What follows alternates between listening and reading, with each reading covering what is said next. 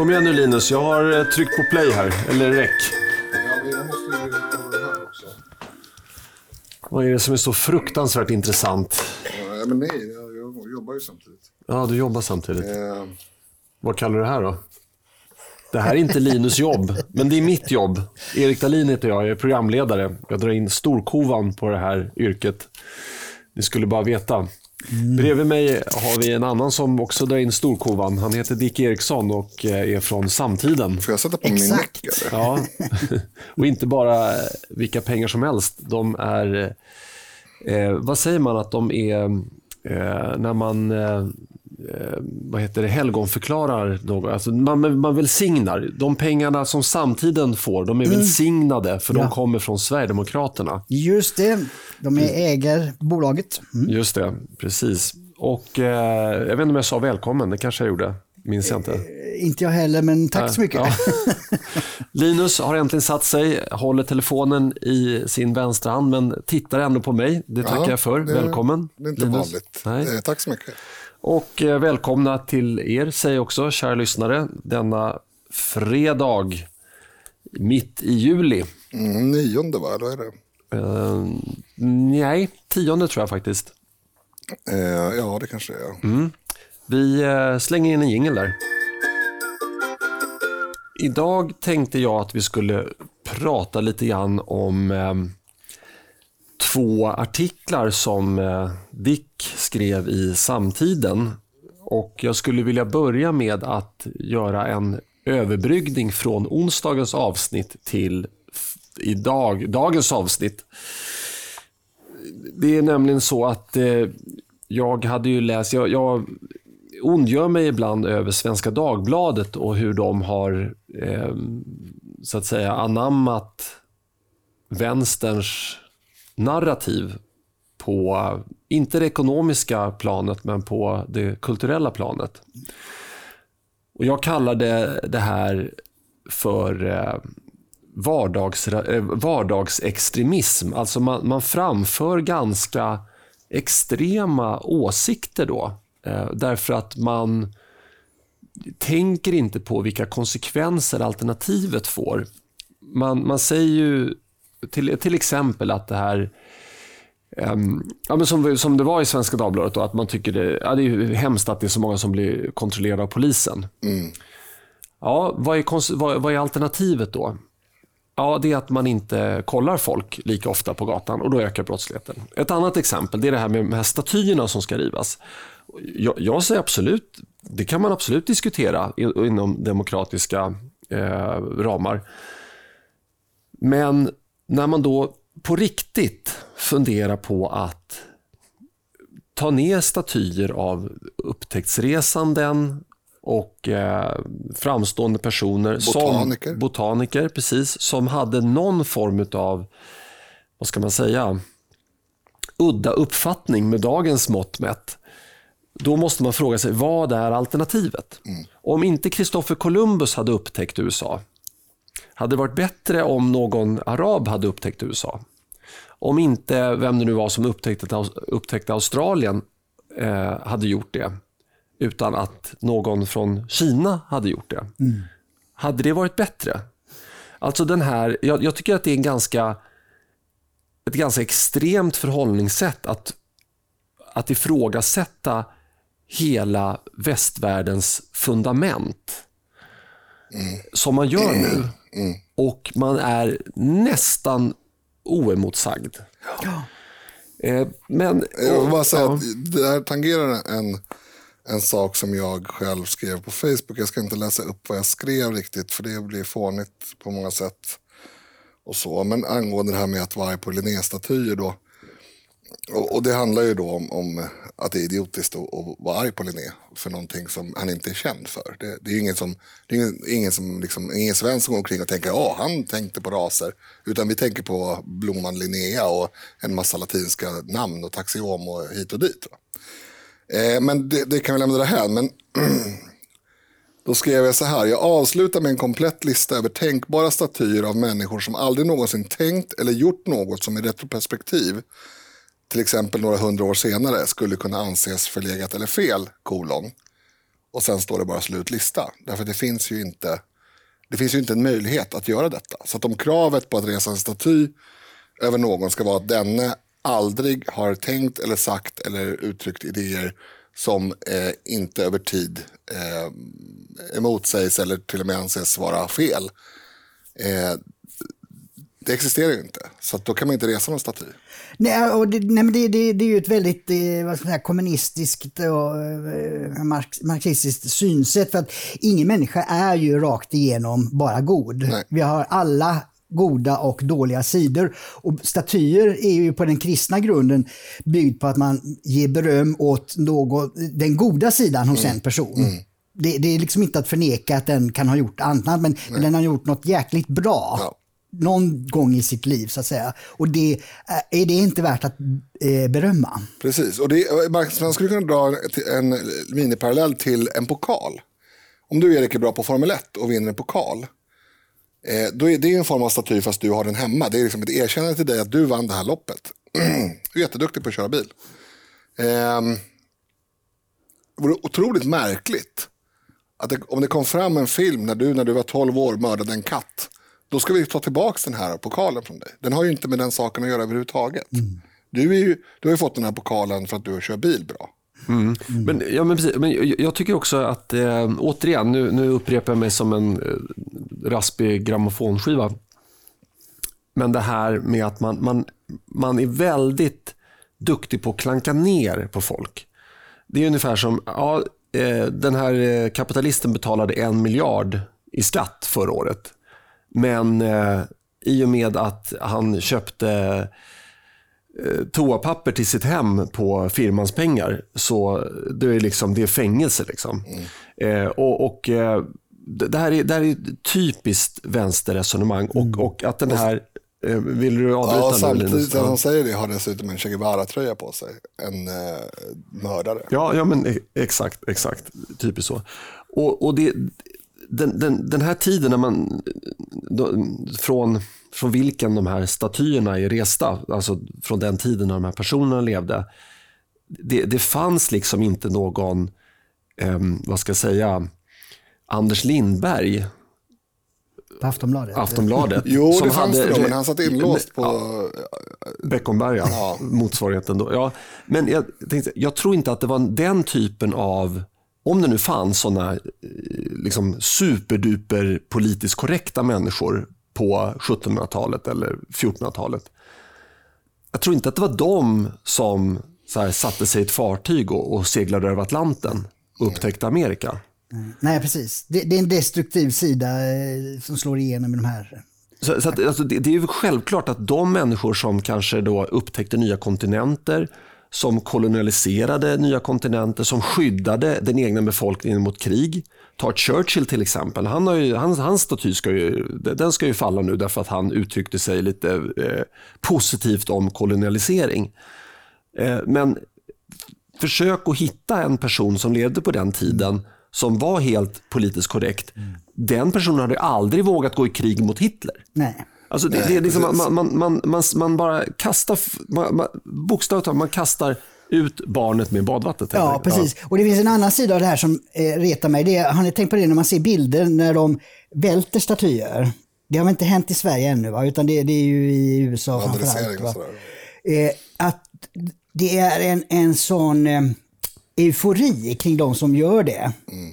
Och jag undrar, vad är den, representerar den energin? För det man gör är ju, man kan flytta på statyer men det ska ju fattas i, i demokratiskt eh, ordnade former där man diskuterar för och mot och, och alla de här argumenten. Och så fattar man ett gemensamt beslut. Här tar de sig friheten att diktatoriskt, fascistiskt, totalitärt eh, förstöra någonting som man inte har rätt att förstöra och man jublar över det.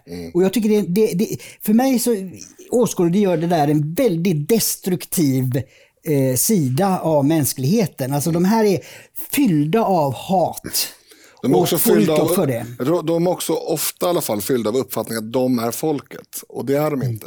Eh, men jag tror att det är det som är, att man, man tror att man, man kämpar för folket. Alltså för eh, många gånger då arbetarna. Men, men det är inte sant. Man är ju, man är ju ja som du säger, fascistisk. Mm. Jo, det, det, det, det är det. Och det. De här två artiklarna du nämnde, alltså, de, de eh, handlar ju om varför borgerligheten inte har tagit avstånd mot den här vågen som har sköljt över under ganska lång tid. Ju. Eh, och det är därför den har kommit så långt. Därför att det är så få som har satt ner foten mot det, den här utvecklingen. Mm. När borde man ha, ha satt ner foten? När, när, kom de första tecknen på att borgerligheten eh, trampade i, i vänsterns ärenden i, i de här Ja, det, det, det börjar ju eh, efter 68 då, och, och Olof Palme som bara börjar prata om rättigheter.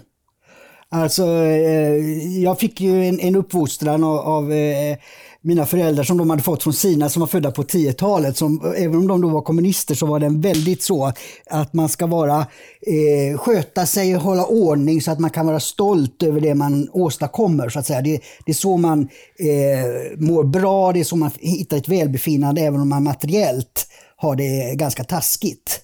Eh, och så min morsas mantra var när hon såg hur Eh, andra föräldrar eh, lät sina barn hålla på och eh, buscykla, eller vad man nu gjorde på 70-talet som ansågs vara då överdrivet. Det var liksom att eh, man pratar om fri uppfostran, fanns ett ord som hette på 70-talet. Och då sa min morsa där att det är fri från uppfostran. Alltså på 70-talet började det här att urarmas, att man säger att, att man ska eh, liksom respektera vissa gemensamma regler och normer. Det är därför vi har normkritik. Det är för att bryta ner alla regler. Och då kan alla bete sig hur som helst och då kan vem som helst säga nej men den där statyn tycker inte jag om, den slår jag ner. Och utan att tänka nästa steg, ja men vad betyder det när någon är emot det jag tycker är vackert och fint? och kommer att trampa ner min ros...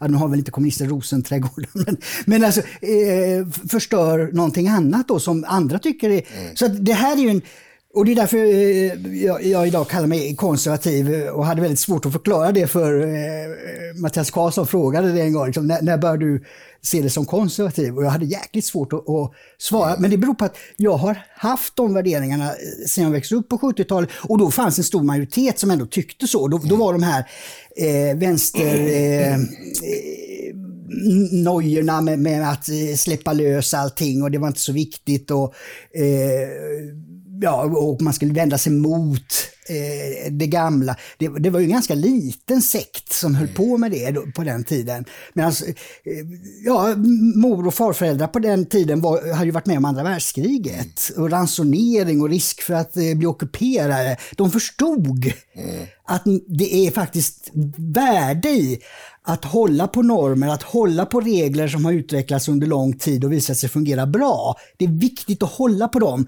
så att vi kan ha ett lugnt och tryggt samhälle. Mm. Men i takt med, eh, jag upplever det att det, med 68 och att det är allt färre som har varit med om taskiga tider, dåliga tider, haft problem med att hitta någonstans att sova och mat för dagen och, och, den typen av utmaningar har inte yngre generationer haft. Och då har det liksom, då har anarki upplevts som något eh, pift och skikt liksom. Mm.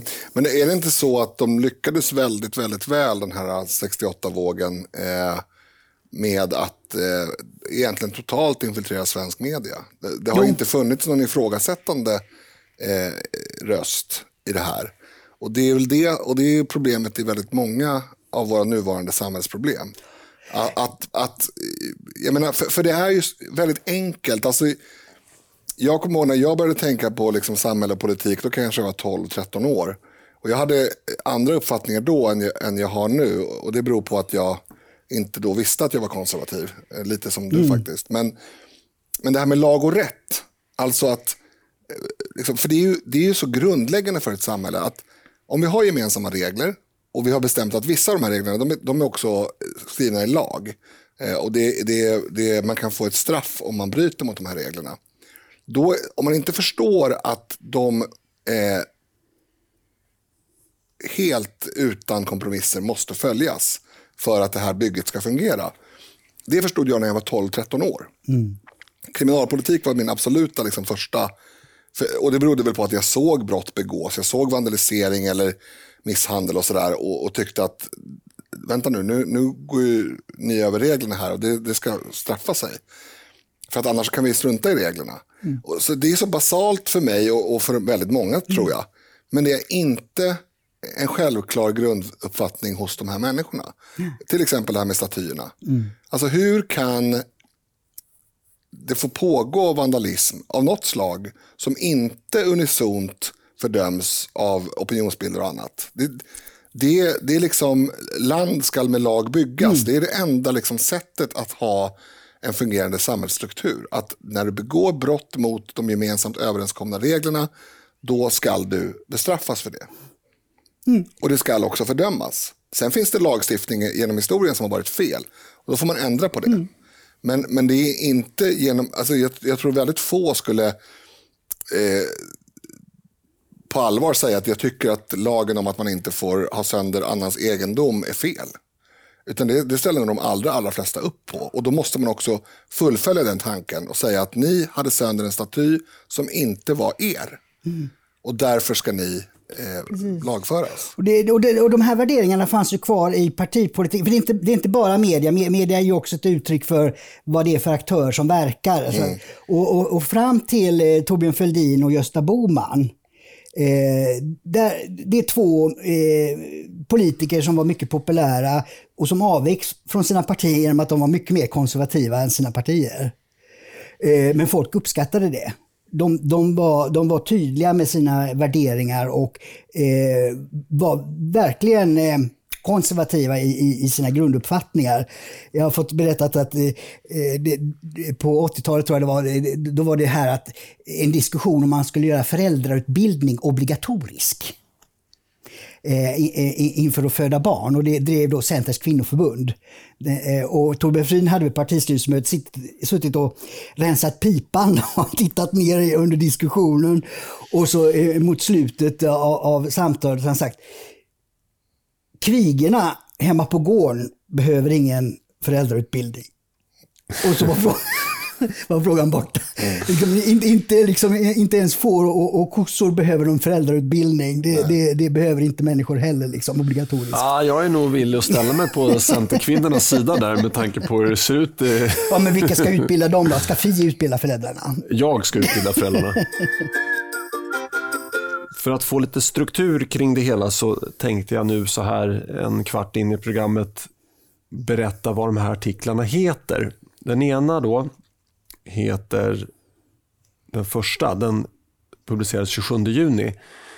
Vågar borgerligheten gå emot den nya identitära vänstern? Och den andra kom dagen efter, 28 juni. Behöver demokratin inom citationstecken räddas från folkets mening?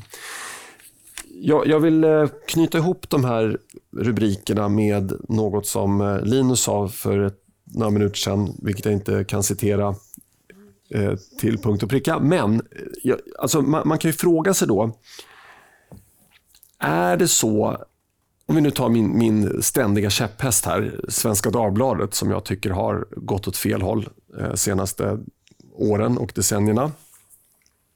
Är det så att det sitter sitter folk där som på riktigt tror att de är borgerliga och har vikt sig för vänstern eller är stora delar av Svenska Dagbladet kidnappat av eh, vänstermänniskor. Och ytterligare då en, en parallell. Jag hörde på Christian Sonesson, hans, när han blev intervjuad i Kvartal för det är mer än ett år sedan tror jag. Då, Moderaten i... Ja, tack för det. Eh, moderaten i Staffanstorp. Precis. Då, då gick de igenom att det var att Sverigedemokraterna inte var så stora mm. i Staffanstorp. Men i alla kommun, liknande kommuner runt om eh, så var Sverigedemokraterna, det var liksom omvända förhåll, styrkeförhållanden nästan. Och då frågade, jag tror att det var så här att eh, han som intervjuade, om det var Jörgen Wittfeldt eller vem då, frågade Sundersson, Jaha, så att du har alltså lyckats attrahera Sverigedemokrater till Moderaterna. Det var hans slutsats. Någonting i den stilen. Medan Sonesson då undrade, ja men kan det inte vara så att riktiga moderater röstar på Sverigedemokraterna i de andra kommunerna? Så att här sitter alltså, enligt, enligt Sonessons världsbild, så är han den en, en av väldigt få riktiga moderater mm. som är kvar i Moderaterna. Mm. Och alla andra i partiet har liksom gått till något annat parti, fast de heter fortfarande Moderaterna. Och klassiska moderata frågor återfinns kanske oftare i Sverigedemokraterna. Men där finns också andra frågor som tilltalar klassiska socialdemokrater. Mm. Men Det var en lång utläggning, men alltså vad, vad handlar det här om? att, till, att Om vi tar det rubrikerna, vågar borgerligheten gå emot den nya identitära vänstern? Ja, men är det verkligen så att den riktiga borgerligheten sitter på positioner där de kan gå emot den nya identitära vänstern? Eller är det att vänstermänniskor diskuterar mot varandra, Dick? ja, det är en bra fråga. Mm. Nej, men jag upplever att, eh, till exempel om vi börjar i Svenska Dagbladet, jag upplever att ledarsidan där, de, de upplever sig som eh, eh borgerliga och företrädare för, för en borgerlig eh, grundsyn. Journalisterna på nyhetsredaktionen kan jag däremot eh, inte svara för. Men, men, eh, får, får, bara, mm. Jenny Nordberg som vi tog upp i onsdags, mm. hon, det här var ju en, eh, en resonerande text. Det var inte en nyhetstext. Nej, nej, men det är Utan, kolumn på nyhetssidan. Ja, det, hon, hon, är inte under ledarredaktionen. Nej, förvisso inte. Så hon tillhör journalistkollektivet. det är ändå en åsikt som uttrycks ja. i Svenska Dagbladets namn. Och vilken sida, om den står på sidan 12 eller sidan 1, det tycker jag inte har jättestor betydelse. För det är inte nyhetsrapportering. Nej, det, är, nej, det har du ju rätt ja, i. När det där mm. kolumnerna är ju, som inte är på deras sida är väldigt konstigt. Ja. Eh, överhuvudtaget. Mm. Eh, men, men eh, så då, jag, jag, jag, tror att eh, det finns de som har borgerliga värderingar. Det finns till exempel i, eh, i Access. Men de vågar inte. De vågar inte ta striden mot vänstern. De är skitskraja för att få de här epiteten som Sverigedemokrater får mot sig. De, är, de skiter på sig för att eh, om de skulle sätta sig i en sån situation där de riskerar att eh, Anders Lindberg eller eh, Daniel Suhonen eller eh, alla de här andra eh, vänsterdebattörerna sk skulle attackera dem. Mm. De är skitskraja. Och det, är, det, det, anser jag är anledningen till att den här vänstervågen har gått, gått så långt som den har gjort. Jag tror att, att om, Malcolm, finns... om Malcolm Shioni skulle lyssna på det här så skulle han eh, hålla med dig 100%. Mm. Det var ju också det som han var inne på, för er som inte har lyssnat på det, på de specialavsnitten här om mm. veckan. Eh, men, men, och det är ju så, men jag skulle vilja påstå att det också finns en kategori människor som inte täcks av vare sig det som vi eller ni eh, tänker som borgerliga eller vänster och det är eh, så kallade liberaler.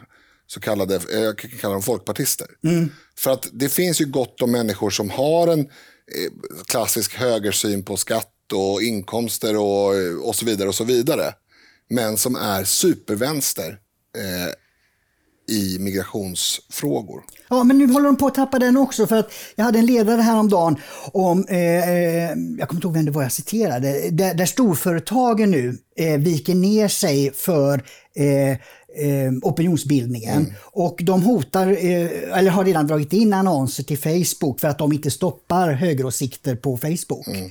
Så storföretagen, storkapitalet, har nu också kapitulerat. Mm. Så att även marknadsekonomin kapitulerar nu för de här som välter statyer. Där kan vi snacka om att sälja det rep som man sen ska bli hängd i. Ja, exakt. Va? Det, så det, de, de, de verkar inte ha någon... Och det är det som jag, jag, jag fattar inte hur, från då 70-talet då, då, man var väldigt bestämd och det fanns väldigt tydliga uppfattningar och, och, och, och, eh, man var stolt över de värderingar man hade. Så idag så är, är de som kallar sig borgerliga helt eh, till intet gjorda. De är, de är helt tillplattade. De, de står inte för någonting utan de kan bubbla upp några lite ord och det gör det på ledarsidorna i, i Svenska Dagbladet till exempel. Men, men eh, skulle de pressas lite grann från vänster så ger de efter. Mm.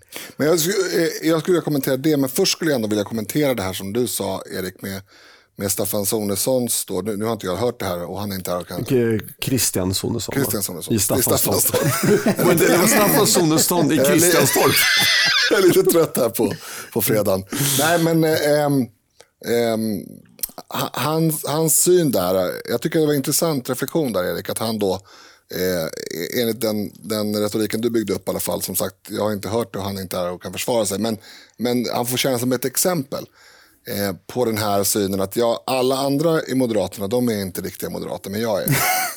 eh, och, och, det finns ju faktiskt en till och det är Hanif Bali. Mm. Som ju hela tiden har den svansföringen. Igår, eller förrgår, ja, tidigare i veckan i alla fall, så såg jag någon bild där han, eh, liksom, jag tror att det var han, till och med kanske han som hade gjort det, men i alla fall publicerat den med en, en bil som är ett socialdemokratiskt märke på, sen en, en avtagsväg som det är ett miljöpartistiskt märke på, sen rakt fram så är det ett eh, moderatmärke och så kan den här bilen välja då minskad invandring eller fortsatt eh, galen migrationspolitik. Det är så han ser det. Han tror att Moderaterna är de som är för minskad invandring. De har ju aldrig gjort någonting. Alltså visa mig någon typ av handling eller någon typ av skarpt ställningstagande. Jävla mesar, ursäkta mig. Precis, men... jag, jag, har ett budskap till alla borgare, moderater och andra, som, som på allvar går omkring och tycker en massa saker. För jag, för jag känner ju de här människorna. Jag pratar ju med sådana här människor väldigt ofta. Och det är alltid samma sak. Det kanske är att jag attraherar en viss typ av borgare. Det, det, må vara hänt. Det må vara så att det finns en grupp som inte stämmer in på den här kategorin. Så jag vill inte säga att alla borgare är så. Men mellan skål och vägg så är det Sverigedemokraternas politik när det gäller migration, när det gäller brott och straff och när det gäller en rad andra saker som är deras eh, personliga ja. hållning och mm. åsikt. Mm. Men de vågar inte. Och då kan jag säga till dem så här, att det är inte så farligt. Alltså, jag personligen har varit sverigedemokrat i, ja herregud, eh, 18 år på pappret och kanske 20 drygt någon sorts hangaround Eh, och det är inte så farligt. Det, det, det, kan hända att någon släkting inte vill följa en på Facebook. Det kan hända att någon, eh, att någon säger någonting dumt någon gång. Ja, och det kan hända att man får hotfulla meddelanden. Men det är värt det. Alltså för, för vet ni varför? För att man kan se sig i spegeln varje dag och säga att jag är inte en jävla hycklare som går omkring och tycker massa saker men är med i ett parti som gör precis motsatsen. Som har varit med och sabbat det här landet. Det är inte jag. Jag är den personen som kan se mig själv i spegeln och säga att jag står i alla fall upp för vad jag tycker. Ja, men det där är viktigt och det, och det gäller på individplanet då. Eh, så, så, ska jag också säga det att det finns många eh, kloka röster och så eh, också. Men, men eh, det jag är, är, så tycker en gåta är, är, hur de här organisationerna som kollektiv mm. kan ha agerat på det sättet. Mm. Liksom. Att, att Eh, Eh, de har låtit sig förintas intellektuellt eh, som organisation. Alltså, hade Moderaterna och, andra borgerliga partier eh, satt eh, klackarna i backen, till exempel eh, eh övergången från eh, Göran Persson till Mona Sahlin, för då blir det en väldig kantring i sossarna på kultursid, kulturkampens sida så att säga. Där hade ju verkligen de borgerliga kunnat spjärna emot. Mm. Och då hade, och det, det har ju Jim Åkesson också sagt, eh, hade de eh, gamla partierna tagit den här kulturkampen på allvar, då hade ju inte Sverigedemokraterna behövts. Mm.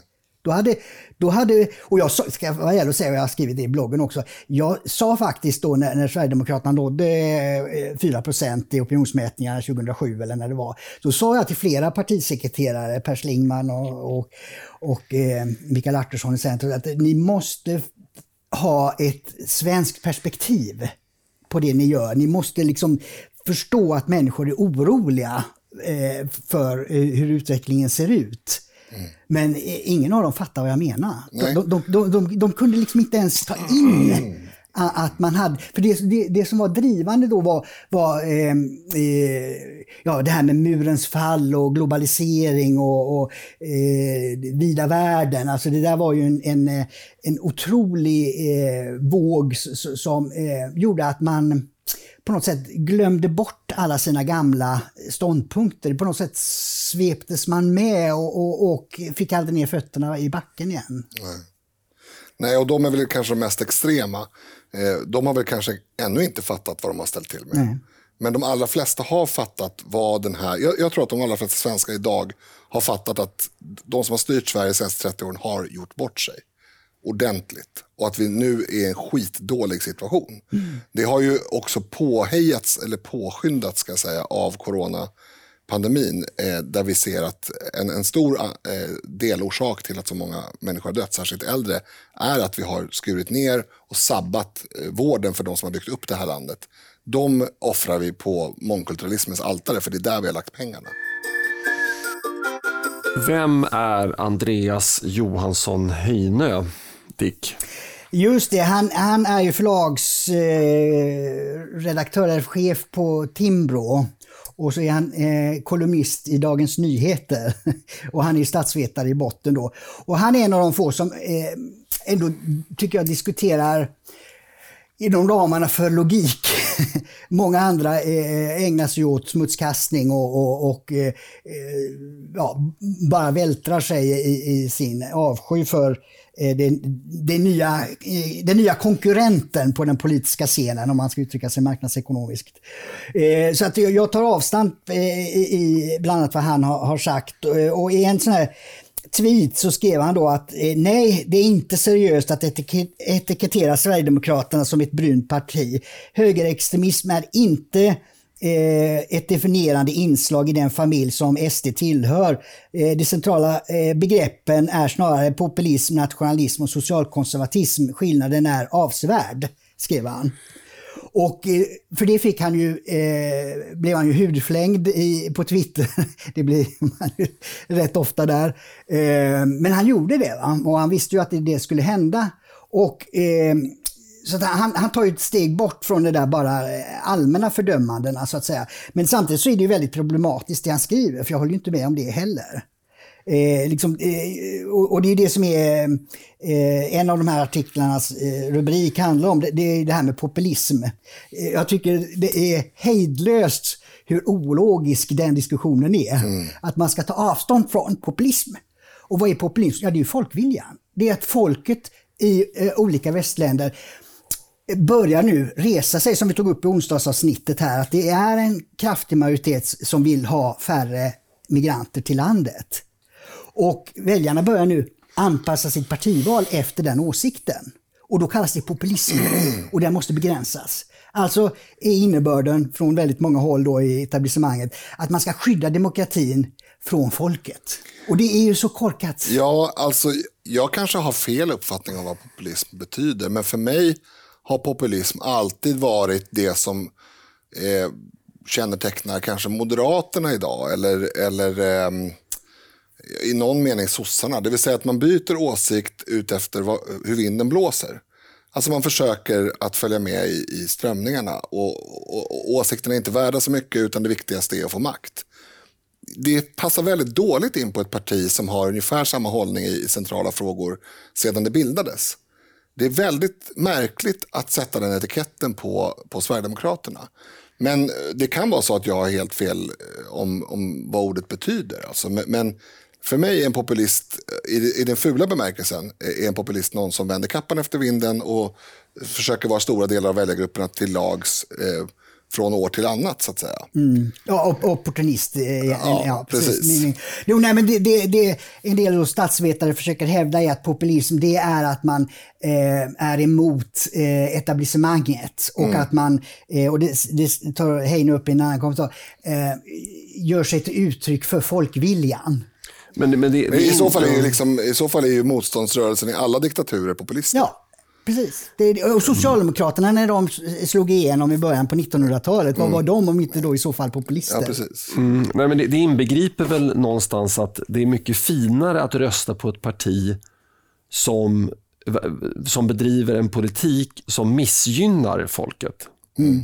Det vill säga att nu lägger jag min röst på Socialdemokraterna för de vill ösa pengar över andra än oss svenskar. Mm. Och Det är mycket finare att rösta på ett sånt parti. Mm. Jag tänker absolut inte rösta på ett populistiskt parti som vill göra någonting bra av Sverige mm. och, och, och för svenskarna. Mm. Men, men det där är lite intressant för att om, om eh, alltså även alltså ordet populist, eh, han, han nämner ju då eh, populism och nationalism.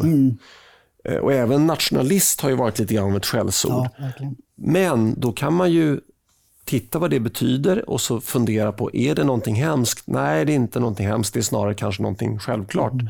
Och då kan man komma ut, precis som du sa Linus, här att komma ut som sverigedemokrat. Mm. Då kan man komma ut som nationalist mm. och säga det till sina vänner när de frågar, ja jag är nationalist, har du något problem med det? Och vad i så fall? Och, och, och då, återigen, här, här har ju, och det är ju så typiskt eh, vänstern att man, man förvrider innebörden av ord. Va? Mm. För att, eh, det folk förknippar med nationalism när jag har frågat är nazism. Mm. Och nazisterna var ju imperialister, ja, det, det vill säga motsatsen till nationalism. Nazisterna eh, gynnade naturligtvis tyskar, eller ville gynna tyskar, och, men de var ju förtryckande utav fruktansvärda mått mot polacker och ukrainare och ryssar, mm. ja, fransmän och alla andra nationer skulle man förtrycka. Och då är man inte national, nationalist, respekterar ju alla kulturer och alla nationella uttryck. Ja, det, det är bara fråga. Det, fin, det finns ju färskare exempel än, än den mustaschprydde korpralen. Eh, och det är ju Erdogan i Turkiet. Mm. Som i svensk media alltid benämns som nationalist. Mm. Eller till och med ultranationalist. Han är motsatsen. Mm. Han vill ju ta land från kurderna. Mm. Han vill, han, han, hade han sagt så här, det är viktigt att kurderna får ett eget landområde vi kan, och så hade det varit lite bråk om var gränsen skulle gå, fine. Då hade han kunnat kallas nationalist. Mm.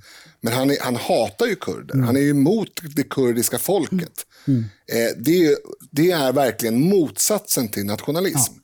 Men det, det, är det att folk är för dumma. Alltså det, det är återigen det här, jag har sagt det förut och jag, det är inte ett lagförslag. Jag tycker inte att vi ska ha en utbildning för att få rösta. Men fasiken vad bra det hade varit om folk som inte förstod politik överhuvudtaget bara struntade i att rösta. För att det, det sabbar ju den demokratiska processen när människor går omkring och lyssnar på Anders Lindberg bara och sen går och röstar. Men alltså det här ligger högt upp i partihierarkierna, den här miss missförståndet. Alltså det, det, är det, det är ordets makt. I, I, USA så är man ju medveten om det här eh, hur, hur, man eh, benämner till exempel death tax kallas ju då mm. arvsskatten, dödsskatt. Mm. Alltså, ordens eh, betydelse när man pratar om politik har enorm betydelse. Jag är skitmycket emot det. Jag tycker det är innehållet som ska räknas. Mm. Men retorik har en enorm betydelse och där har tyvärr vänstern haft ett, väldigt övertag i att de har, har hela tiden kunnat lyckas for, formulera och definiera saker på sitt sätt som ofta mm. är helt i strid med vad som är fakta. Men det är en balansgång också. Man måste ju stå upp för begrepp som man... Jag måste ju själv få definiera vad nationalism betyder ja. för mig. Mm. Ingen annan kan komma och säga att det betyder något annat. Och här gör Heine lite det. Eller inte just här. Men, men det händer att, att både Heine och andra gör det åt den. Och det, det är osmakligt. Mm. Alltså, men, men, men, för att återgå till eh, Andreas Johansson Heine och hans tweet. Jag, jag tycker för det första att, eh, precis som du sa Dick, att han, är, han har ju varit väldigt hederlig åtminstone. Eh, och väldigt artig. Absolut inte liksom brunsmetande och, och överdrifter. Men jag vet inte om du var inne på det lite grann Dick, men det är nästan lite farligt ibland. Därför att han är inte på något sätt någon vän. Nej, nej. Till vare sig svenskarna eller Sverigevännerna eller sådär. Utan han är ju han är en sån här liberal som är ja, liberal på riktigt. Vilket jag har all respekt mm. för. Men han är extremt på ett politiskt plan farlig. Därför att eh, han, han det, det, är lättare att få igenom såna här smålögner som, som eh, ibland kommer, det här med populism till exempel. Det är mycket lättare att, han har mycket mer trovärdighet i det än till exempel Anders Lindberg som bara står och gapar och skriker och spottar och svär. Mm. Eh, så det, det, finns ju en, liksom, man, man bör vara, man bör ha en kritisk syn ja, på ja. de här inom citationstecken, vännerna till, till eh, demokrati och, och, och öppet samtal och sådär. När de kilar in små gliringar i sin i övrigt så att säga eh, väldigt respektfulla och artiga svada. Mm, precis. Jo, men jag, jag, tror att han... Eh, för flera frågade varför skriver du det här? För han, han, det, här var, det jag läste upp nu var inte ett svar på någonting. Nej. Utan det var ett tweet som han la in eh, själv som en bara kommentar för dagen. Och, och då frågar ju många varför skriver du det här? Vad, vad, vad, är, vad är det här meningen med det här? Och jag tror att meningen med det här är ju att han förstår ju också att eh, om man inte börjar ta striden med vänstern så flyttar de fram sina positioner hela tiden. Och ett sånt ord eh, som nu börjar komma upp är ju brunhöger. Eller blåbrunt. Och, mm. alltså, nu börjar man kleta ner också Moderaterna och Kristdemokraterna med Brun. Mm. Och då förstår han att här måste man faktiskt börja diskutera var, var, var gränsen ska gå Mm. och, och titta sakligt på det så att säga. Så att de, den här typen av resonemang borde ju de eh, ha tänkt på mycket tidigare. För att det är ju så, tar man inte striden med vänstern, då flyttar de fram sina positioner och då drabbas man själv till slut. Det, är inte, det är inte bara de, eh, de som är i första linjen då, som Sverigedemokraterna har varit nu i 20 år, utan det, är, eh, det går vidare då om man inte står upp. För att återigen, den här, den här diskussionen hade inte varit där den är nu om borgerliga, eh, de människor med borgerliga värderingar hade stått upp för sina åsikter. Mm. Jo, alltså, du har säkert en poäng och, och oavsett om det gäller just den här tweeten eller inte så är den definitivt relevant. Alltså, eh, först så sa de fula saker till den gruppen, sen sa de till den gruppen, nu säger de det till mig. Varför sa jag inget förut? Men Ja, men det är, ju för, eh, det är ju för att den ena gruppen har börjat samarbeta. Det var ju så här, allting var ju frid och fröjd så länge som Moderaterna och KD inte samarbetade med SD. Ja. För, då, för då kunde ju de konservativa eller högersidan aldrig få majoritet. Så då var allting frid och fröjd. Men när de då Makten börjar stå på spel. Ja, när- när, när då Moderaterna och KD eh, utnyttjade sina matematikkunskaper från lågstadiet och adderade procentsatserna från valresultatet så insåg de att ja, men vi kanske kan gripa makten med, med Sverigedemokraterna. Och började närma sig partiet. Då blev de också kallade bruna. Eh, ja, jo, det där är ju... Jag, jag håller med, men, men det var inte riktigt dit jag ville komma med mitt resonemang. Eh, jag sökte ett litet svar på det här som, som Dick var inne på. Varför Johansson Heine skriver det här. Och jag, jag menar att det är mycket enklare än så. Eftersom jag ska inte säga att jag känner karln men jag har åtminstone haft viss interaktion med honom från och till. Både på, på, i verkligheten och eh, via andra kanaler. Och jag tror att han är i det fallet ganska lik mig. Alltså han, han kanske bara har läst ett antal tweets där vi kallas för fula ord. Och han är, ganska, eller han är väldigt intellektuellt hederlig i grunden. Och han vill reagera på det här för han tycker att det är felaktigt att debatten förs på de här premisserna.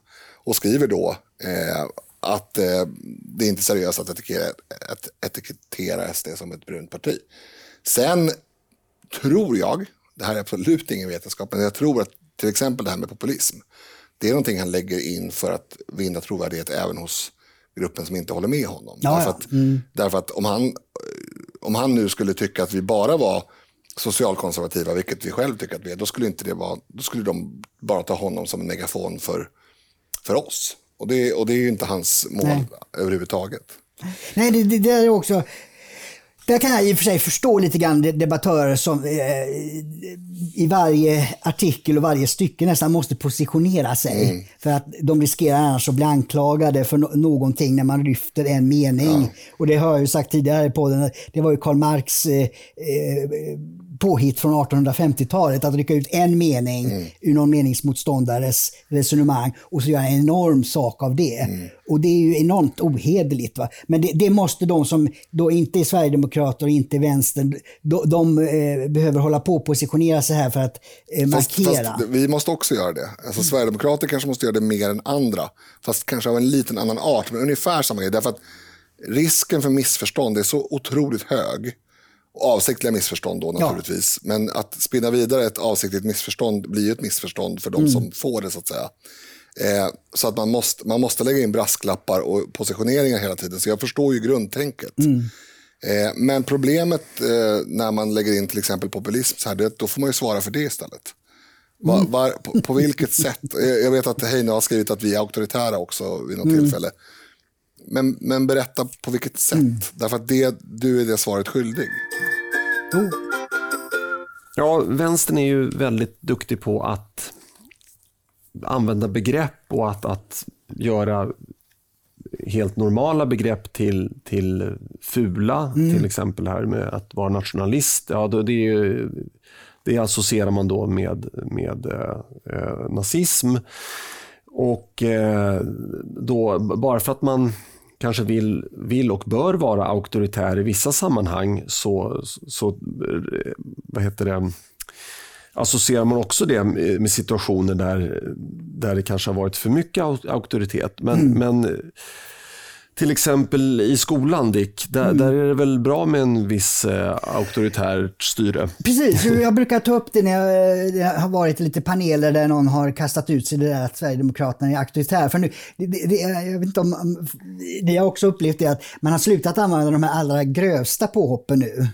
Och nu hittar man då populism, auktoritär, alltså man använder nu vissa eh, andra ord. Och auktoritär är då, och då, och då svarar jag, nej, men, eh, det beror på vad man menar för auktoritet i klassrummet. Är det inte läraren som ska ha det? Är det inte bra om läraren har auktoritet i klassrummet? Är inte det något väldigt, väldigt positivt? Något som är själva förutsättningen för att den nya generationen ska lära sig någonting. Att man upprätthåller disciplin i klassrummet, eh, har eh, studiero, och framförallt just för de som inte har det kanske på hemmaplan, mm. har, har, har lugn och föräldrar som kan backa upp, så är det oerhört viktigt att eh, det finns auktoritet i skolan. Och, och eh, jag har aldrig träffat på någon som har sagt emot Nej, i det fallet. Men, men man använder det begreppet därför att det är så luddigt. Alltså, det är som att säga att någon är lång. Ja, vem, jämfört med vem då? Ja. för, att, för att det går ju att hävda att liksom, Leif Pagrotsky är lång. Om man jämför med någon liksom, cirkus midget, vad heter det, kortväxt person. Eh, vad vet jag, är det någon, någon liksom, ja. Mm. Och, och, det går att hävda att vi är auktoritära om man jämför med liksom, en miljöpartist som mm. tycker att eh, gratis glass till alla, hej tjoflöjt. Eh, men det går också att hävda att vi är flamsliberala om man jämför, jämför med liksom, Putin. Mm. Så att, det är ju ett sånt här begrepp som man, man har återigen via media lyckats, lyckats skapa ett ord som för sig, för sig är någonting dåligt, trots att det inte är det. Genom att associera det med auktoritära regimer, auktoritära diktaturer och så vidare. Då innefattar det repression, hot om våld, eh, våld.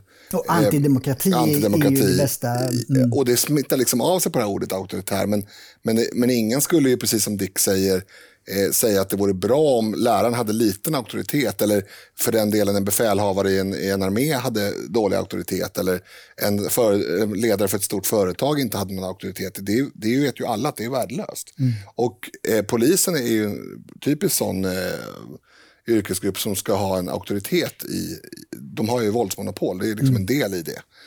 Eh, så, att, så att det här är ju ett, ett vrängande med ord och det, det, är som vanligt att gå runt sakfrågorna och istället diskutera en massa hittepå-intellektualism som, som ju inte är intellektuellt överhuvudtaget men, men som uppfattas som det och som styr människors tankar i ett visst håll. Mm. Jo, och det, det, på något sätt har liksom hela diskussionen just om till exempel auktoritet i skolan kommit eh, liksom i bakvattnet på ett väldigt konstigt sätt. Eh, Eh, där, ja, som Jan Björklund, då, folkpartiledaren som under åtta år var skolminister och pratade om att det är viktigt att ha studiero och disciplin och så, men lyckades inte åstadkomma det överhuvudtaget. Eh, och, och, och, det beror på att man inte driver det tillräckligt hårt och, och står upp mot eh, de krafter som är emot det. Och vad jag förstår så är Lärarhögskolan och och sådana instanser är ju väldigt nedlusade av just vänster som inte vill eh, ha det här utan mm, eleverna ska komma på själva vad de ska lära sig och eh, eh de ska vara kritiskt tänkande men inte mot vänster naturligtvis. Mm. alltså det, det, det, är en väldigt så anarkistisk eh, hållning eh, på lärarhögskolor och sånt. Och, och eh, jag vet inte om Jan Björklund eh, kapitulerar och insåg att det, det, det, det, det för väldigt långt. Och man, eh, som jag tror att man måste göra. Man måste lägga ner lärarhögskolorna och skapa en ny organisation mm. för att eh, utbilda framtidens lärare. För att de, de som håller på nu med, med eh, vad heter det, pedagogik är, är liksom eh, på vetenskaplig eh, eh, alibi gått ner i väldigt konstiga eh, diskussioner. Mm. Men det, det, här, nu ska jag försöka knyta ihop det här på något eh, fint sätt. Så att ni lyssnare blir nöjda och glada. Alltså, ett, ett stort problem, tror jag, jag tänkte på det här med att lägga ner lärarskolan. Ja, men problemet är ju inte direkt kanske lärarskolan i sig, utan problemet är att läraryrket har degraderats så till en milda grad att du kan i princip sitta och gissa fram svaren på högskoleprovet eh, utan att se frågan. Du kan bara, ja, det är inte riktigt, men, men nästan nära på. Och ändå komma in på lägerskolan. Mm. Jag tror att högskoleprovet jag tror 0,3 eller 0,1 eh, intagningspoäng. Driver du med mig? Mm. Ja, men jag tror att det, nej, jag, men jag tror, jag tror så här, man får 0,0 om man, om man sitter och gissar. Man drar helt slumpmässigt. Eh, men det är alltså extremt låga intagningspoäng på lärarskolan. Oh, och, och, ja, mm. och då vill säga, vilka kommer in där? Om, om man går tillbaka till lågstadiet och mellanstadiet, när det satt personer då som inte var så studiebegåvade. Eh, de blev ju alltid itutade, nej men det spelar ingen roll att, att du skriver noll poäng på det här provet. Ja, du har inte pluggat kanske, men, men det, det vågar jag inte anklaga dig för. Utan du, bara, du har en annan begåvning än någon annan. Så att du är precis lika bra, du är precis lika duktig. Eh, och du har precis samma rättighet mm. till ett liv där du åker första klass i mm. privatjet. Mm. Äh, för sig, privatjet har bara en klass. Mm. Men alltså, du har precis samma rätt till samma inkomst som den som skriver alla rätt på prov efter prov efter prov. Man, indoktriner, man indoktrinerar de här personerna från låg ålder att det är inte deras fel att de, Eh, inte, kan göra, att inte de kan prestera lika bra som andra. Men när de kommer ut i verkligheten, det är klart att de här personerna ändå inser att de kan inte bli företagsledare.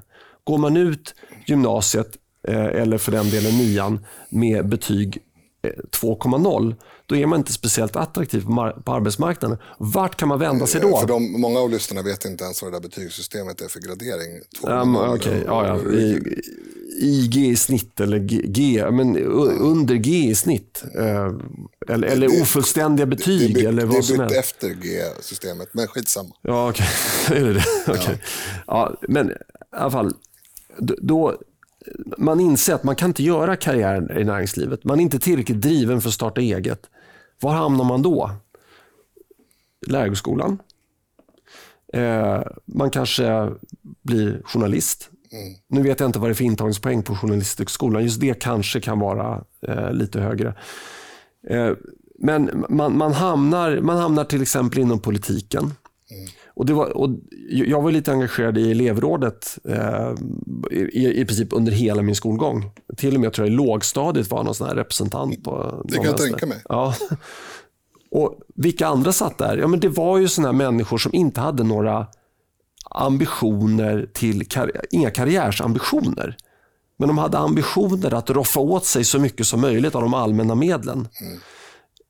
I, I det här fallet då skolans medel. Ja, vi måste ha det, vi måste, vi måste ha bättre uppehållsrum, måste göra det och det. Det, alltså, det, det är det här som är, tror jag, kärnan i problemet. Att vi har sådana här människor.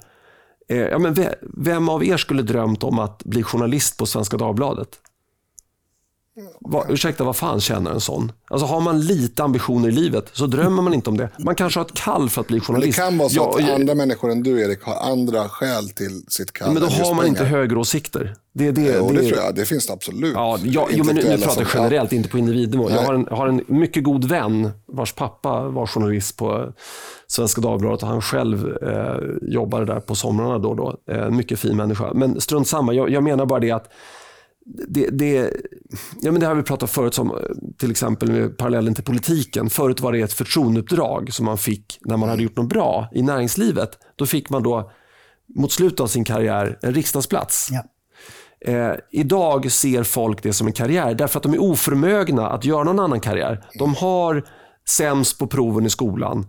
Och Sen finns det alltid undantag. Paula Bjäller, 2,0 på högskoleprovet. Linus Bylund, extremt begåvad. Men, men, men det är inte du som är problemet Nej, i dagens vänstervridna Jag skulle lägga till en grej ja. mm. som jag tror går hand i hand med det här. Jag, jag köper det. Mm. Jag köper Dicks inlägg också, men jag tror det finns en grej som går hand i hand och det är politikens vilja att eh, rasera auktoriteten i skolan.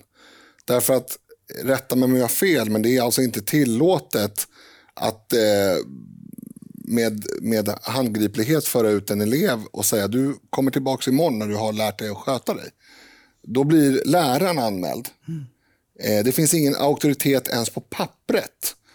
Alltså, det är ju det första steget man måste ta. Den som bestämmer i klassrummet är läraren. Du som elev ska lyda så länge inte läraren kommer med helt orimliga eh, order som innefattar olagligheter eller annat. Självklart.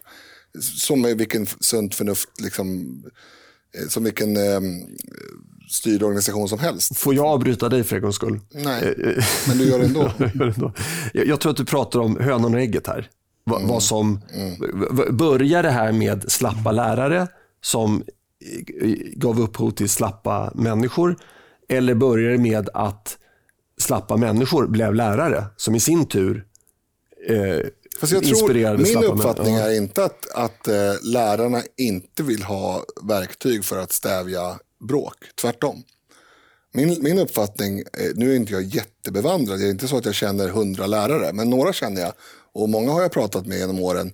Och jag uppfattar det snarare som att lärarna själva skulle absolut vilja ha det här extra verktyget i sin verktygslåda. Att, att kunna handgripligen eh, köra bort en elev. Eller som du var inne på Erik, att man får säga att du, eh, Kalle, du får inte komma hit imorgon eh, förutom om du har med dig din målsman som ska vara med hela dagen. Eh, eller du ska komma hit imorgon med din målsman eftersom vi har skolplikt.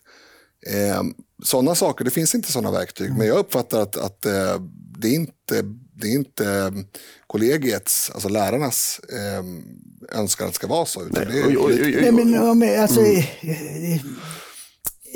Jag tror att det är så att många anpassat sig till motstånd, eh, vad heter det, minsta motståndets lag, det du är inne på Erik. Och, eh, och för att upprätta det du pratar om Linus, det är det som ord som flaknas här, det är ledarskap. Mm. Någon, eller något, ska inte svära, parti måste ta ledningen och, och eh, liksom slå, slå näven i bordet och säga att nu ska det här upprättas. Mm. Alltså så som, det är därför Winston Churchill är så hyllad. Att, att, eh, det är väl dokumenterat att hela etablissemanget i London ville kapitulera och eh, kyssa Hitlers fötter. Det var en man som sa nej, det går jag inte med på. Jag sitter i den här jävla stolen för att jag tycker som jag gör.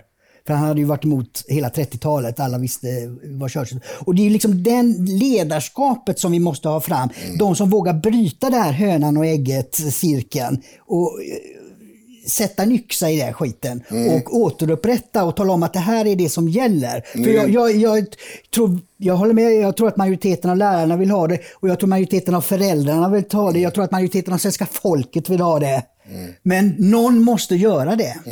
Mm. Jag, jag, jag, och, det, och det är ju, ju, ju, mer parlamentarisk en demokrati är, eller ju mer partibunden ska jag säga, en demokrati är, desto långsammare går det. Mm. För det, den här eh, enskilda personen som slår näven i bordet, det har ju redan hänt hur många gånger som helst i Sveriges i, i, i kammaren i Sveriges riksdag när våra ledamöter har slagit ner näven i bordet just om de här sakerna. Men det ger inte samma effekt som när... Nej, man har inte makten. Nej, så mm. vi får väl kanske snarare jämföra Churchill med, med då partiet Sverigedemokraterna, inte någon enskild person. Nej, och, precis, och man måste komma i den positionen. Man måste komma i en position ja. att, att mm. göra det. Precis. Ja. Ja. jag vill betona här också att nu tittar jag på gruppnivå på individnivå finns det absolut Sitter fantastiska... Sitter du här och ångrar dina uttalanden? jag, jag, bara, jag misstänkte att det var en person i rummet som hade kunnat misstolka. Min poäng var inte att utmåla alla människor i kategorier eh, och säga att den ena kategorin där är alla dumma i huvudet och den andra kategorin är alla smarta. Utan det, det finns naturligtvis eh, skillnader på individnivå eh, även om man kan uttala sig generellt om en grupp. Och Jag tror i alla fall att den här gruppen som är högpresterande i skolan, de får inte bara lämna fritt spelutrymme till personer som kanske har andra mål i livet och andra mål för Sverige. Ehm, utan man måste faktiskt ta sitt ansvar som medborgare och ehm, jag tycker att ja, men det här, din rubrik här, eh, Vem äger staten? Eh, på ett sätt så många människor idag de, de eh, betalar bara in skatt, är glada och nöjda och sen så säger staten till dig eller några företrädare att eh, du ska tycka att Sverigedemokraterna är rasister mm. och sen ska du tycka att eh, svarta är förtryckta i USA och även i Sverige. Mm. Det ska du tycka och tycker du inte så, då det, kan det gå väldigt illa för dig.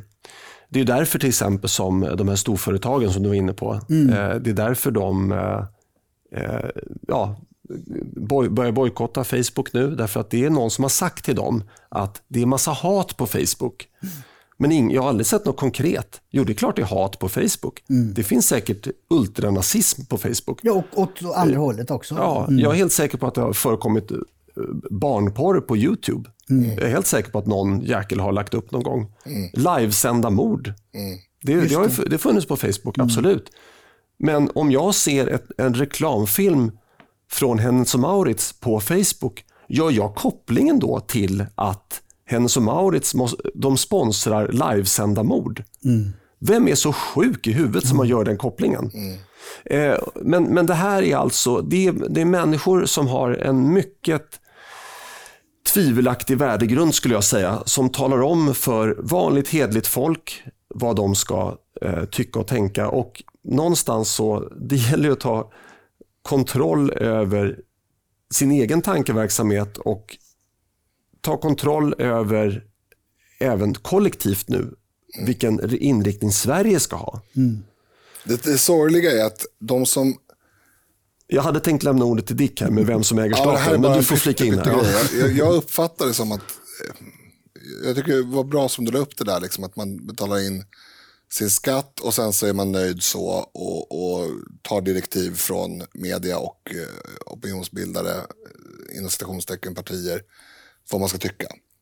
Och den tendensen är paradoxalt nog, menar jag, och det här är inte vetenskapligt men det är min spaning, den tendensen är starkare ju mer eh, man betalar in i skatt.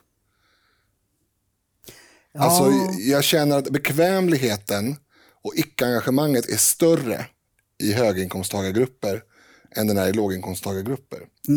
Vilket ju är paradoxalt och sorgligt. För att de som bidrar mest till det gemensamma borde ju rimligen vara de som är mest måna om vad som eh, de här pengarna används till. Men det, mest, det, det, det som man oftast, det som, det, som, det, som, det som inte faller in i den kurvan det är just eh, gnäll på skattesatser. Alltså, eh, där har vi, en- där har vi en, en större högljuddhet på, på höginkomsttagarsidan att vi har för höga skatter och, och det är ganska logiskt. Men i övrigt så tycker jag det är tvärtom. Att, att de som bryr sig mest om hur pengarna förvaltas det är människor som eh, bidrar med minst till gemensamma och vice versa. Men det är bara en reflektion. Precis. Ja, det har väl också med situationen... Jag, jag tänker ofta på Jan Guillou när, när, när, man pratar skattetryck och så. Han tycker att det kan vara ett högt skattetryck. För jag klarar mig på en miljon som kanske är 10 procent av det jag tjänar.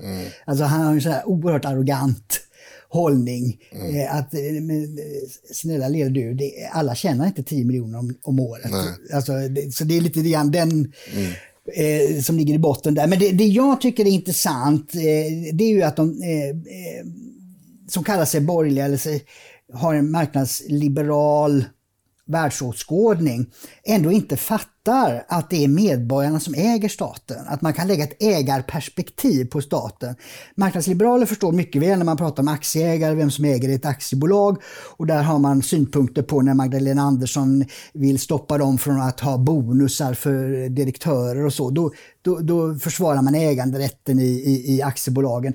Men de jag har träffat eh, och som är väldigt övertygade marknadsliberal förstår inte när jag pratar om att ja, men staten ägs av medborgarna. Medborgarna bidrar med tvångsinbetalda skattemedel till den här staten. Och då har de ju en förbannad skyldighet att få någonting igen. Och det, det här grundar sig alltså i eh, filosofin om eh, eh, vad heter samhällskontraktet som John Locke och Thomas Hobbes, två 1600-talsfilosofer, förde fram väldigt intressanta och intrikata resonemang där de var överens om att makten till staten kommer inte från Gud, vilket hade varit uppfattningen fram till det, utan det handlar om ett, ett samhällskontrakt mellan stat, makthavarna i staten och befolkningen om ett utbyte. Att genom att betala skatt till staten så får medborgarna tillbaks eh, rätten och möjligheten att leva ett tryggt liv. Och, och Det har ju alltså gällt sedan 1600-talet, men det bryter vi mot nu. Därför att dagens generation, eller Reinfeldt och Mona Sahlins generationen, de har börjat skicka ut de här pengarna, tvångsinbetalda skattemedel, till andra länders medborgare.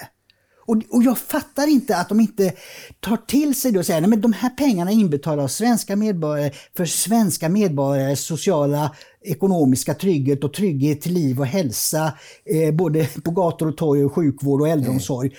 Men får det inte.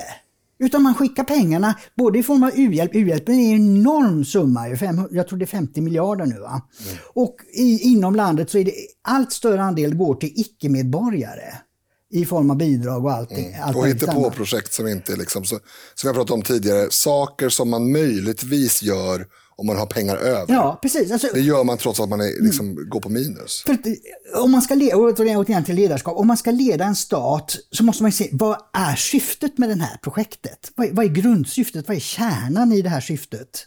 Eh, med den här verksamheten.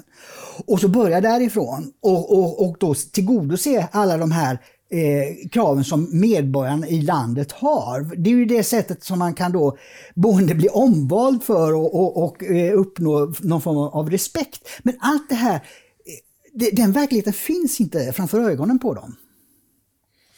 Eh, jag håller med, men, men jag skulle vilja säga att nu blir det lite klichéartat här för den som har följt podden. Men det är ju aktieägarna som inte gör sitt jobb. Eh, varför gör Och det är alltså väljarna. Mm. För att de ställer ju inte... Om, om en, om en eh, inriktning för samhället går tvärt vad folk vill i 30 år, vilket det har gjort, då är det ju faktiskt aktieägarna, det vill säga folket, som har gjort fel. Men, och, och det, här, det är det här som blir klichéartat. Vems fel är det då?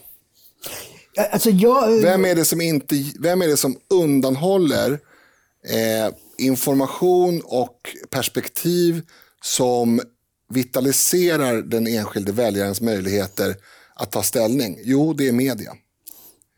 Det är media som bestämmer att ni ska inte få veta det här. Det här ska vi pixla, det här ska vi inte pixla. Det här ska vi rapportera om, det här ska vi inte rapportera om. Jimmy Åkesson eh, körde 5 km i timmen för fort. Eh, ena rubriken. Politiker eh, förgrep sig på barn, andra rubriken.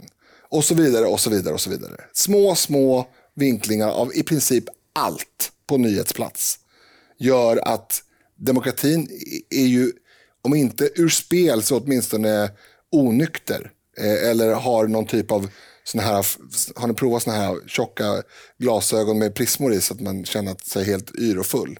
Mm. Så, så, sådana glasögon har man satt på svenska folket. Jag har inte testat de glasögonen. Däremot har jag varit full på riktigt. Har du det? Någon gång.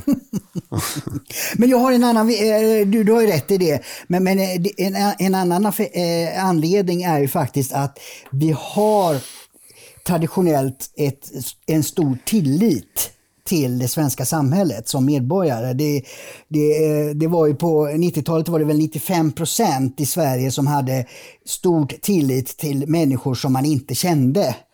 Och, och eh, eh, statsvetare i, i, runt om i världen är förundrade över det. Jag träffade en som var från Peru som sa att i, i vårt land är det tvärtom. Mm. Det är 5% som har tillit till dem man inte känner och 95% känner misstro.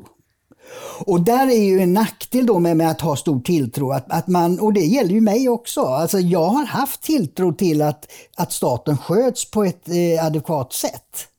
Och, och eh, liksom först liksom de senaste fem, tio åren börjat liksom ifrågasätta vad är det som händer, mm. vad är det de håller på med. Mm. Så att tilliten är, är, i det här fallet är, är en nackdel. Ja men så är det. Och, och all tillit är nackdelar om den utnyttjas ja. av en annan part. Och i det här fallet så har politikerna utnyttjat ja. svenskarnas tillit till staten. Ja. Jag, och jag håller med dig helt om analysen. Och, och, och det lustiga här är att den omvända tilliten verkar inte finnas. För ta det här med ulandsbidrag till exempel. Mm. I USA där får man avdrag på skatten om man skänker. Det är väldigt, alltså, vill man mm. skänka till välgörenhet så är det mm. väldigt skatteeffektivt att göra det så att säga. I Sverige, där, jag tror någon gång hade man något mindre avdrag på deklarationen man fick göra.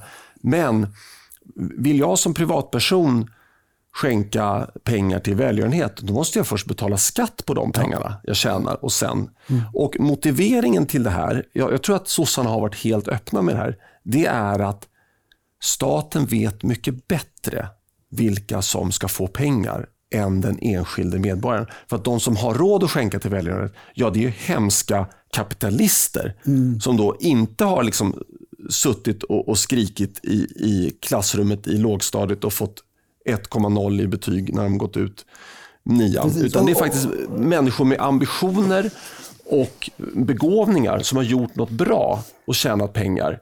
Och, och, kanske inte skulle ge bistånd till palestinska myndigheter som delar ut pengar till de som har begått terrordåd. Nej, precis. Så att, exakt. Så att det här misstroendet, eh, det hade, det hade varit väldigt bra om så att säga, staten hade trott på svenska mm. medborgare ja. lika mycket som svenska medborgare tror på mm. staten. Mm. För då hade svenska medborgare haft större frihet. Och då hade vi inte heller, ja men till exempel asylinvandringen hade ju varit i princip noll. Därför att det finns knappt några som vill ta hand om asylinvandrare när de själva ska göra det. Mm. Däremot, om de, de kan ju sitta och rösta för att andra ska göra det. Mm. Mm. Någon annan får betala. Mm. Någon annan får betala, ja, Man skulle kunna tänka sig att man helt avskaffar allt u-landsbistånd och sen så upprättar man en kryssruta i, i deklarationen där man får kryssa i om man vill vara med och finansiera det. Och då, ja. jo, men, I mm. en av artiklarna tar jag upp en gammal idé jag skrev redan 1997, den gamla mm. goda tiden. Mm. Men det är att enprocentsmålet eh, med bistånd, som ju många tjatar om hela tiden, det är ju bara relevant och logiskt om det är frivilligt insamlade medel, om det är uppsatt som en eh, fundraising-mål. Mm. Att men, svenska folket frivilligt ska betala in en eh, procent av, av, BNP till Röda Korset och vad, vad det nu är för några organisationer. Och så tycker jag det ska vara och då behöver inte statskassan betala ut någonting. För att det som man betalar ut via tvång, säger Aristoteles, det är inte solidaritet. Nej, fast återigen, vi, vi kan dra det i långbänk och det finns massa saker vi skulle kunna sätta på frivillig basis då. Jag tycker fortfarande att grundproblemet är att man inte ställs, ställs till svars som makthavare för de otroliga brott man begår mot folkviljan.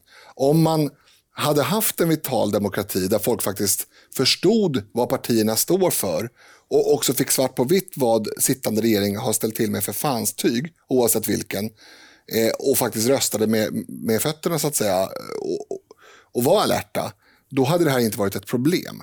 För då hade det, det är fullt rimligt att man är en förening, eh, inom citationstecken, stat i det här fallet, samlar ihop gemensamma pengar, medlemsavgiften eller vad ni nu vill kalla det, och att det är sedan en demokratisk eh, process som bestämmer var de ska gå. Jag, jag, tycker inte att det nödvändigtvis är problematiskt eh, om, om folk eh, röstar med sina egna åsikter och inte efter vad någon annan säger eller och, eh, rätt sagt vad någon annan inte säger.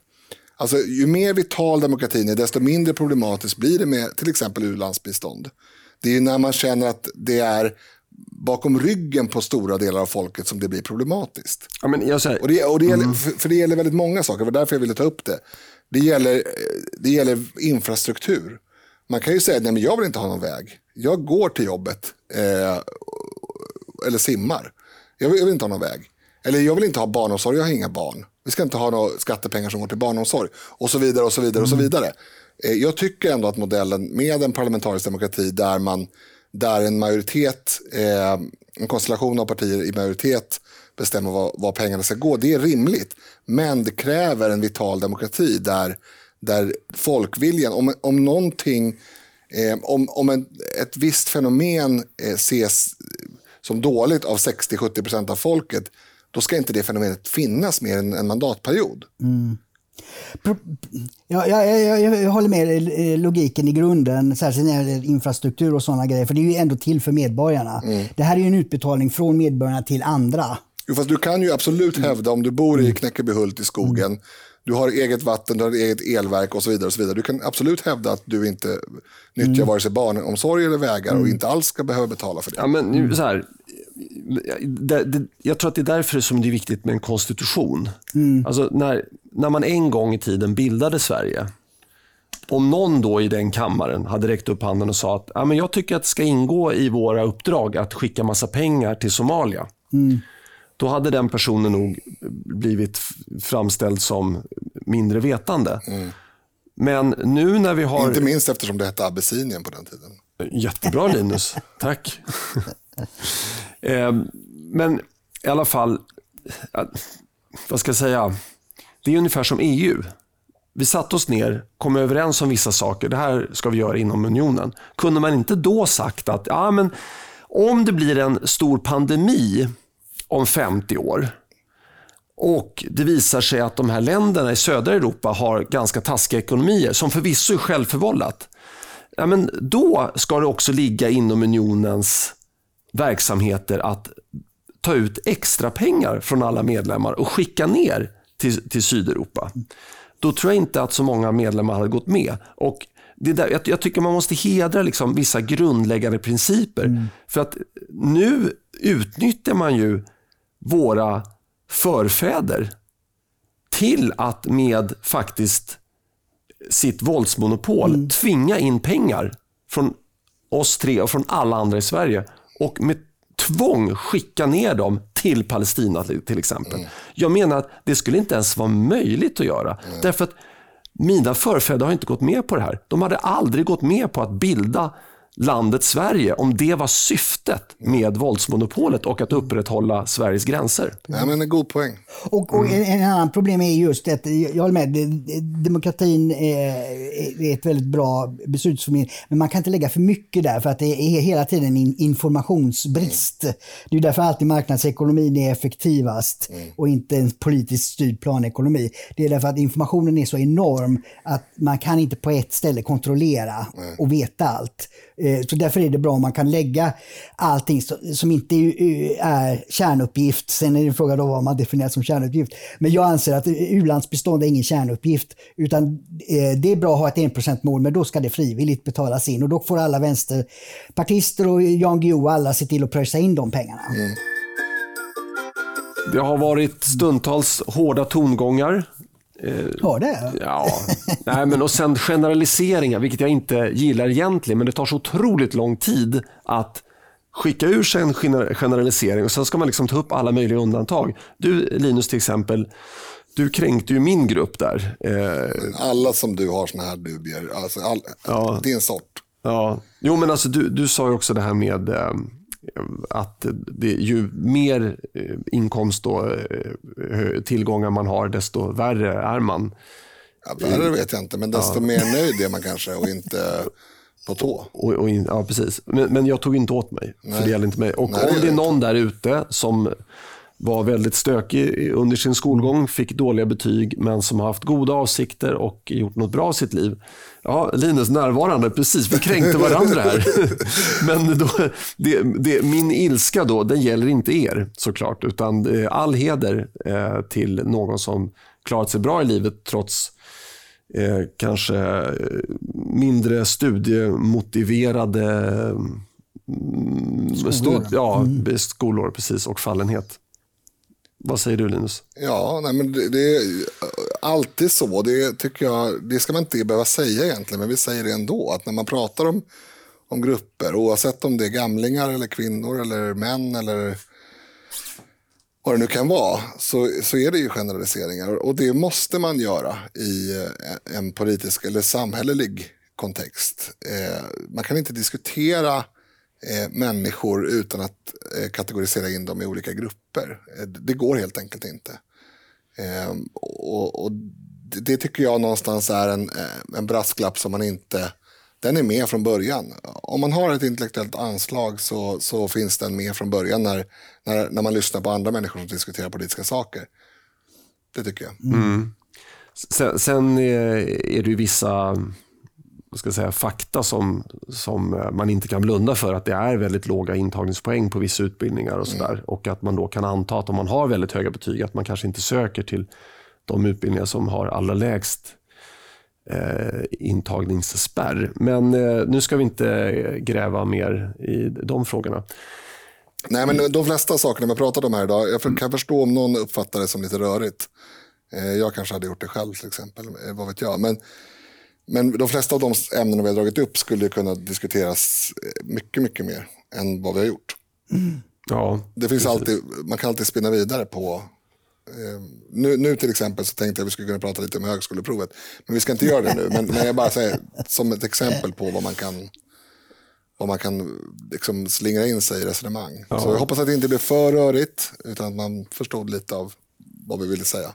Jag hade velat ta upp ett lyssnarmail som jag tyckte var väldigt intressant. Det är en av våra trogna lyssnare som har badat på Öland och som jämför det med eh, ett annat allmänt bad fast i Stockholmstrakten. Och det var väldigt intressanta observationer där. Men det får vi ta upp eh, nästa vecka. Det tycker att, eh, och eh, apropå lyssnarmail, även du som lyssnar kan mejla till oss och det gör man på samtidigt at samtiden.nu. Och sedan i onsdags, höll jag på att säga, sedan i tisdags så finns vi på Twitter också. Där kan man gå in och lägga till oss om man vill ta del av diverse kloka och okloka reflektioner som framförallt jag kastar ur mig i tid och otid. Man kan följa Dick Eriksson på Twitter också tror jag, eller hur? Ja, mest Du- på samtidens Samtiden. heter det kontot. Ja. Ja, okej. Kan man följa dig, Linus, På Facebook kan man följa med. på Facebook? Man kan följa samtidigt på Facebook också. Ja, Instagram. Vi finns inte på Tinder än så länge. Även fast det... Jag har gjort min eh, resa på Tinder. Det var förnöjsamt men eh, begränsad tid. Undrar om det är någon som skulle vilja dejta en podd. Ja, det hade varit konstigt. Ja, kanske kommer. Men det är en snygg, snygg podd. Ja. Återstår bara att säga trevlig helg. Trevlig helg. Ha det gott!